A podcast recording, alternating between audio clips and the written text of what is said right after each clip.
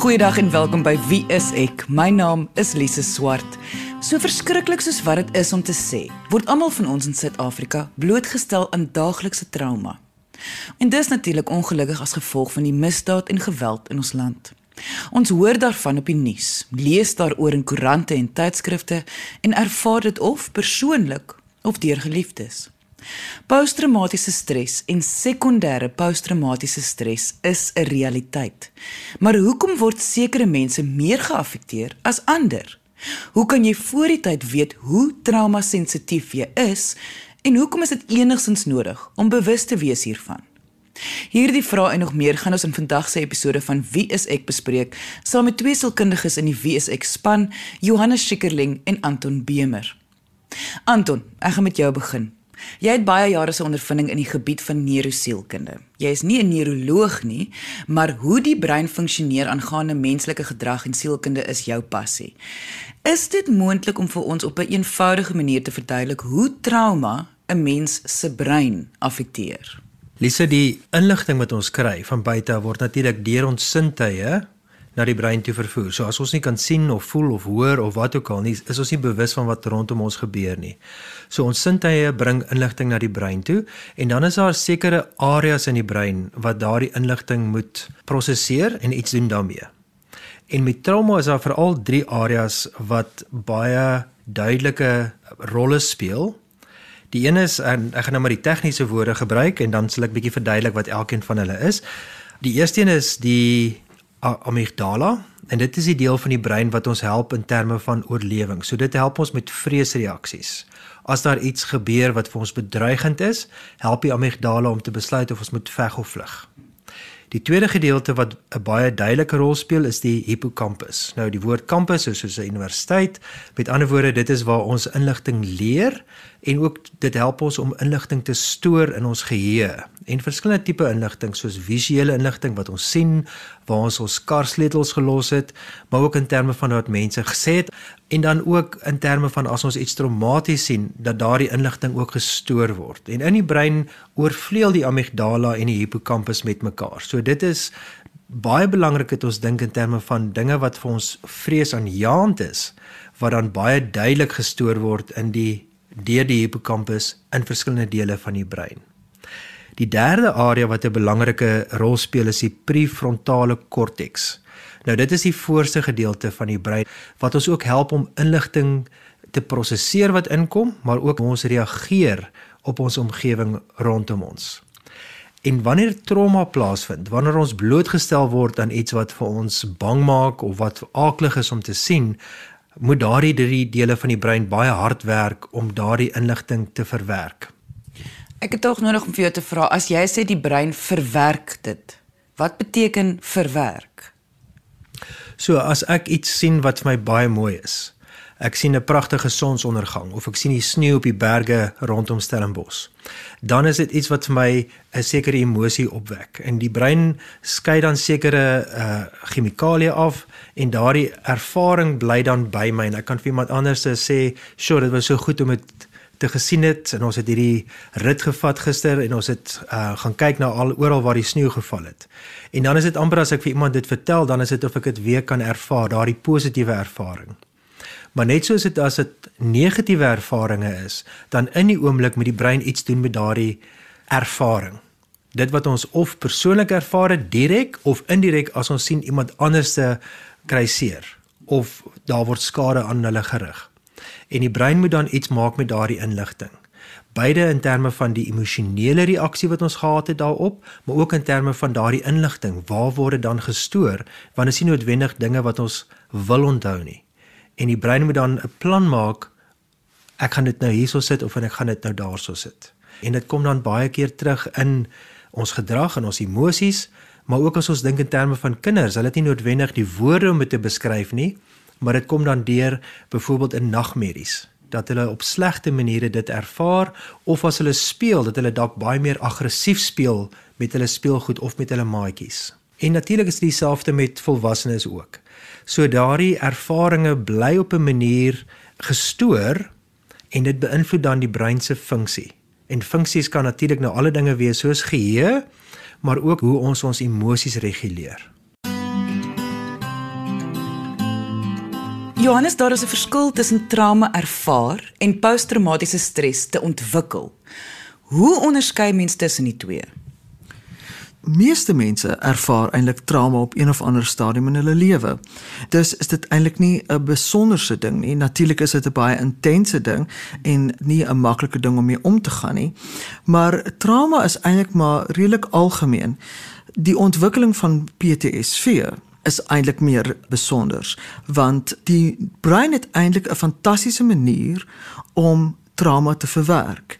En dis hoekom baie keer ons as terapeute dan besluit om nie onmiddellik in te stap na 'n trauma ervaring van iemand nie, want ons wil iemand voordeel van die twyfel gee dat hulle dit dalk self sal oorkom of dat hulle eie hanteringsmeganismes dan sal inskop en dan sal hulle self met die uh, trauma kan omgaan. En dit is soms vir mense 'n 'n beter ervaring as wat hulle onmiddellik hulp kry, want soms kan mense dan nog meer magteloos voel. Met uh, posttraumatiese stres is wel 'n ander situasie. Dit is wanneer daar langdurige, minstens 'n maand tot 6 weke simptome ervaar word. So ons kyk spesifiek na simptome dan waar iemand dan 'n regte trauma ervaar het, een en daar dan simptome daarvan is, simptome soos uh gedagtes wat heeltyd by hulle opspring, 'n uh, nagmerries wat hulle kry en dan as hulle ook spesifiek uh dinge vermy om die trauma uh reaksies of triggers uh te vermy. Met herlewing dan dink ons aan iets soos iemand wat gehijack is en dan hulle daai area heeltemal vermy uh om ooit weer daar te reis. Hulle sal 'n totale ompad neem om nie weer in daai area uh gevang te word nie, want daar is net te veel triggers. So dit is dan baie spesifiek wanneer iemand PTSD ontwikkel en ons kyk na spesifieke dinge waarvan altyd die belangrikste is soos by enige diagnose in die sielkunde is natuurlik die funksionering. So ons kyk altyd hoe het die funksionering van die of hoe het die trauma die funksionering van hierdie persoon beïnvloed. Maar nie almal gaan posttraumatiese stres ontwikkel nie. Is dit reg? Sekerlik so. So ons wil baie graag vir mense die voordeel van die twyfel gee. Baie keer is mense in 'n motorongeluk en het hulle vir wat baie normaal is, het hulle sê maar vir 2 of 3 aande eintlik 'n nagmerrie oor die motorongeluk of hulle is baie gestres oor iets wat in die toekoms gaan gebeur of wat al met hulle gebeur het en dan het hulle nagmerries daaroor. Dit beteken nie dat jy die trauma nie kan verwerk nie of dat jy 'n probleem het. Dit is 'n baie normale prosesering van jou brein en ons moet toelaat dat die brein hierdie inligting prosesseer. Ons kan dit nie onmiddellik diagnoseer nie, want dit is 'n normale reaksie. So nie almal gaan PTSD ontwikkel nie, maar daar is wel mense wat dit wel ontwikkel wat langdurige simptome het en weer eens ons kyk na die funksionaliteit van hierdie persoon. Dit moet die persoon se funksionering affekteer. Ons kyk ook spesifiek na die tydstuur hiervan.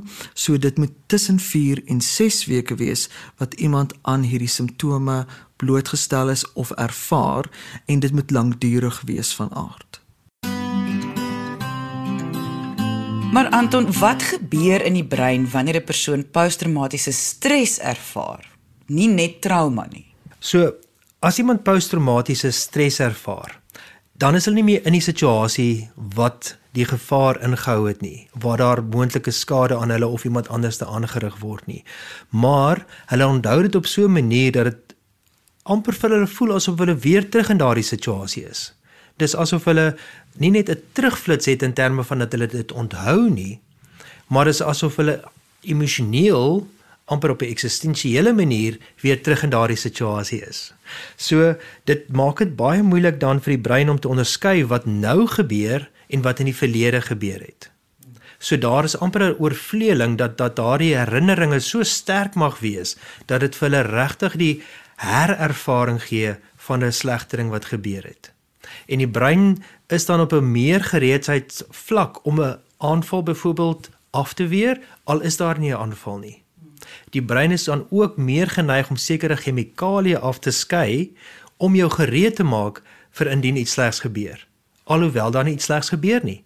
So die brein wil jou dan beskerm teen 'n moontlike probleem. Dit mag wees dat daar sekere, ons sê net maar triggers mag wees wat daardie ervaring weer oproep. Dit kan iets wees in jou omgewing wat jou herinner aan die plek waar jy iets slegs beleef het of dit kan 'n sekere geluid wees, 'n sekere reuk wees, iets wat jou sintuie nou weer optel en dit het so sterk koneksie met wat gebeur het in die verlede dat dit dan die brein aktiveer om vir jouself te sê wees versigtig. En dan kan mens dalk oorversigtig wees deur iets heeltemal te vermy, heeltemal terug te staan, wat een van die kriteria is dan van posttraumatiese stresversteuring. Jy luister na Wie is ek op RSG 100 tot 104 FM. Wat is die verskil tussen posttraumatiese stresversteuring en sekondêre posttraumatiese stresversteuring? So met posttraumatiese stres is daar 'n baie meer direkte ervaring van trauma en dit kan wees dat jy 'n slegte ding beleef het. Iemand het jou in die straat aangeval en jou selfoon gesteel of jy sien dit gebeur. So dit is baie meer die die kom ons sê maar primêre ervaring daarvan. Sekondêre PTSD ontwikkel wanneer daar 'n persoon is wat jy goed ken of in 'n verhouding mee is en die persoon het die trauma akut ervaar, maar jy het nie noodwendig nie. Met ander woorde, jy begin dan sekondêre simptome ontwikkel want jy was self nie daar nie, want jy leef saam met hierdie persoon. En dis begin jy ook soos hulle optree. Jy vermy ook sekere areas. Jy wil ook nie hê dinge moet gebeur om daai persoon te affekteer nie. So jy beskerm daai persoon baie keer wat ook baie gebeur is dat hierdie persone vreeslik uitgebrand word omdat hulle die heeltyd hierdie stories moet hoor of omdat hulle blootgestel word aan al hierdie verhale. Dis eintlik 'n baie interessante verskynsel want die eerste mense wat gedink het aan die sekondêre PTSD is die vrouens van soldate. En hulle was eintlik baie getraumatiseer deur hoe hulle mans opgetree het nadat hulle teruggekom het van oorlog af en hulle ook begin besef het maar ons begin anders optree. Die manier hoe ons lewe leef is anders te want ons probeer hierdie mans uh, beskerm.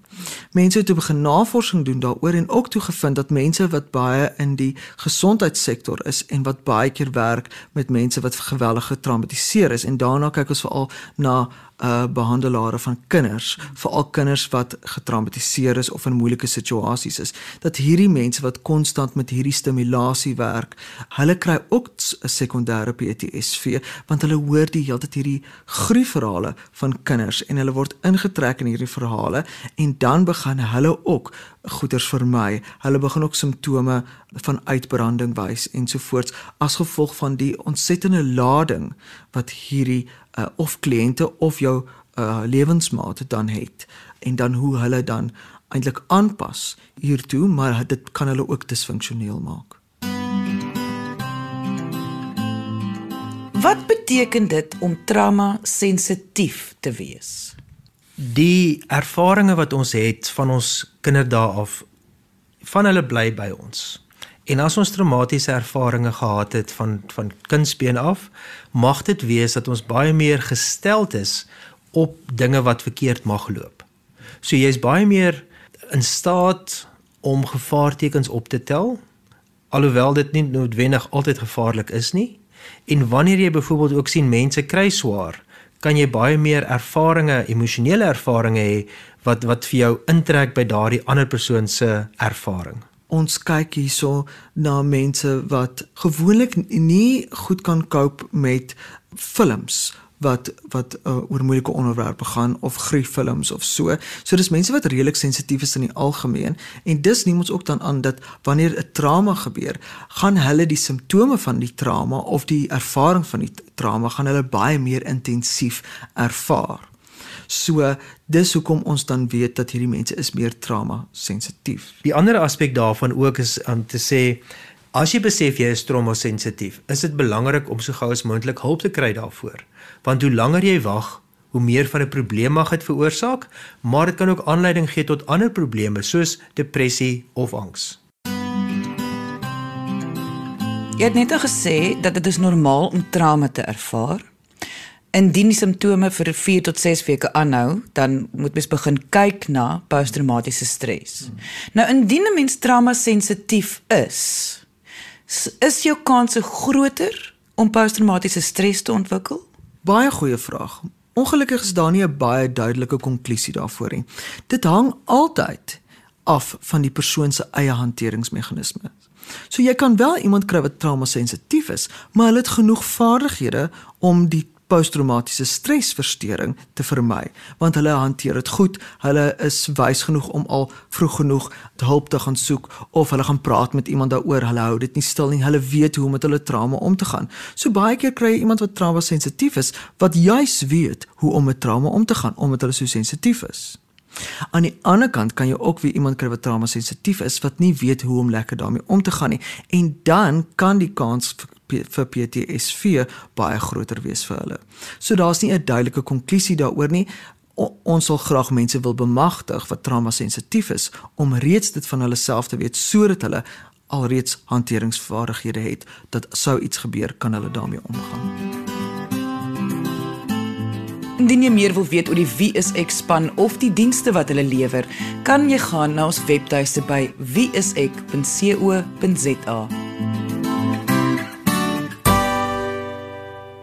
As gevolg van ons land se hoë misdaad en geweldsyfers, is posttraumatiese stres en sekondêre posttraumatiese stres 'n realiteit.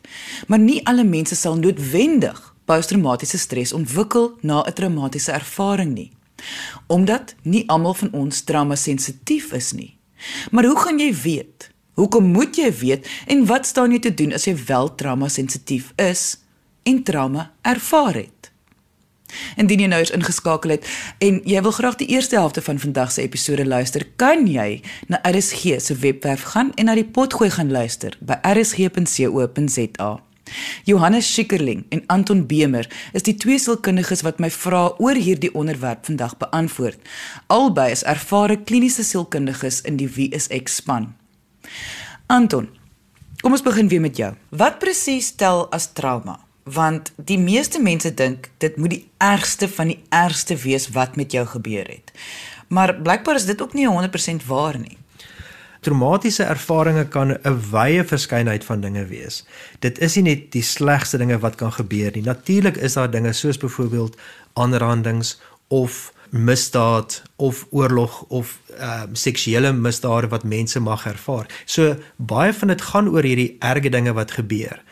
Dit mag ook die afsterwe van 'n geliefde, alles het 'n oupa of 'n ouma, maar dit is omdat jy 'n baie goeie verhouding met daardie persoon gehad het dat daardie ervaring vir jou so traumaties mag wees. Maar ook soms is dit net skielik 'n hond wat langs jou blaf of daar is 'n troeteldier wat jy verloor.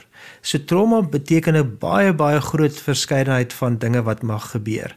Trauma kom ook van die Griekse woord af wat beteken wond. So dit is eintlik om weet as 'n hond jou byt dan is daar letterlik 'n fisiese wond, maar daar's ook 'n emosionele wond wat dit mag lê. Maar verliese speel 'n baie groot deel daarin. Johannes, wanneer 'n persoon in 'n traumatiese situasie was en 4 tot 6 weke is nou verby. Vir watter tekens moet iemand uitkyk om te weet of hulle dalk nou oorbeweeg na posttraumatiese stres? Mens moet gewoonlik uitkyk vir simptome wat hoofsaaklik fisiologies is en daar kyk ons na goeie soos die angssimptome met ander woorde dat mense heeltyd bang is vir iets of dat hulle uh, baie gestres is deur die res van die dag of dat daar terugflitsse is wat by hulle oppop of dat hulle nagmerries kry en, en dat hulle die heeltyd gespanne is. Met ander woorde hulle vind dit geweldig moeilik om te ontspan. Daar is ook baie uitbarstings dat hulle in woede uitbarstings het of dat hulle dat ietsie kleins gebeur. Um, iemand laat 'n mes val op die grond en hulle het 'n enorme reaksie daarteenoor daaroor of as hulle skrik? Dan is daar eintlik dan fisiologies reageer hulle. Met ander woorde baie keer sê hulle jammer vir my reaksie na die tyd maar fisiologies het hulle eintlik reeds gereageer. Want die brein is eintlik nog in oorlewingsmodus wat beteken veg vlug of vries. So dit is eerstens waar ons na kyk. Die tweede waarna ons kyk is na vermyding. As hulle sekere plekke dinge mense uh, vermy, dan kan ons ook sien daar's duidelike simptome daarin.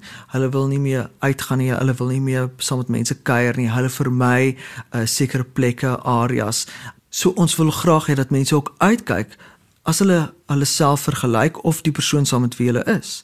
Wat PTSD het vergelyk met hoe hulle altyd dinge gedoen het en daar's 'n groot verskil tussen hoe hulle nou dinge doen en hoe hulle voorheen goeders gedoen het dan kan ons ook dit sien as 'n simptoom van PTSD. Is die tekens of simptome dieselfde vir sekondêre posttraumatiese stres? In ander woorde, moet ons almal meer bewus wees van hierdie tekens dat ons miskien self kan sekondêre posttraumatiese stres hê.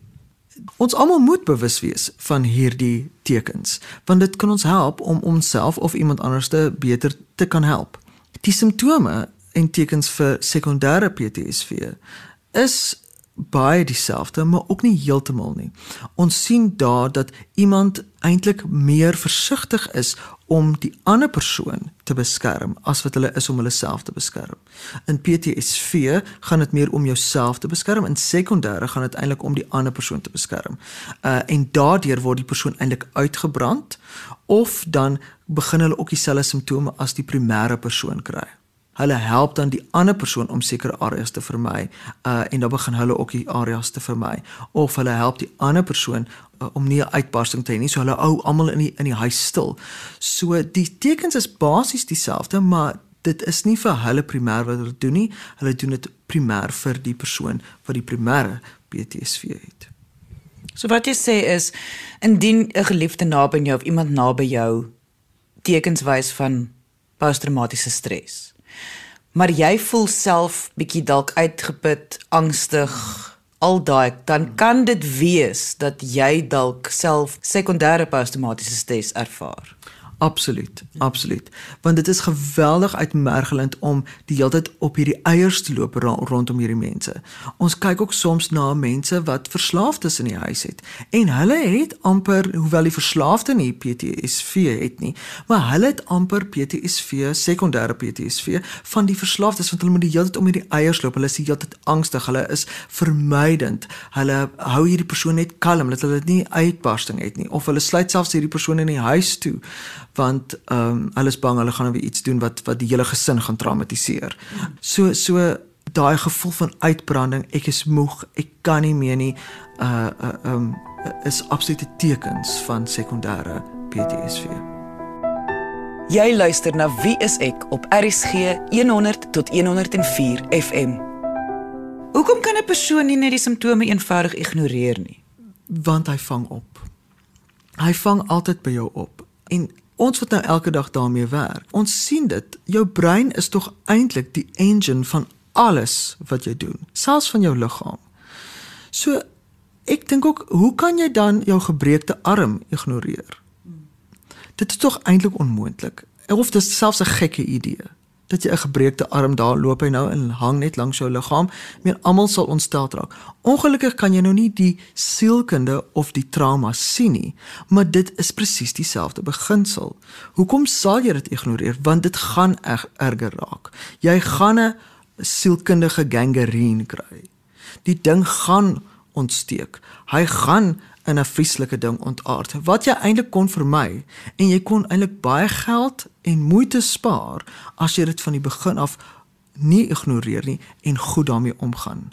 Soos wat jy met 'n ontsmettingsmiddel omgaan. Jy weet jy maak dit oop, jy maak dit skoon, jy kyk, die dokter verbind dit dan toe, maak dan weer oop, ontsmet dan weer. Ons maak dan voorbereiding sodat die ding nie erger word of dat jy nader aan die hele been of die arm moet afsit nie. En dieselfde met trauma gaan vir hulp. Dit is regtig nie so erg nie. Ons gaan dit net ontsmet, skoon maak en dan gaan ons dit verbind. Kom dan terug, ons kyk of dit gesond is en as dit fyn is, dan kan jy aangaan met jou lewe as 'n normale funksionele persoon. Soos wat ons die arm ook aanwerk. So ek sal regtig voorstel dat mense gaan vra vir hulp. Dis vir jou eie beswil. Indien jy enige vrae het oor vandag se episode, kan jy ons kontak deur ons webwerf by wieisek.co.za of jy kan kom saamgesels op ons Facebookblad onder wieiseksa. Dankie dat jy vandag ingeskakel het. Ons maak weer so volgende Vrydag 12:30 net hier op RSG. Jy moet 'n heerlike naweek hê en onthou, kyk mooi na jouself.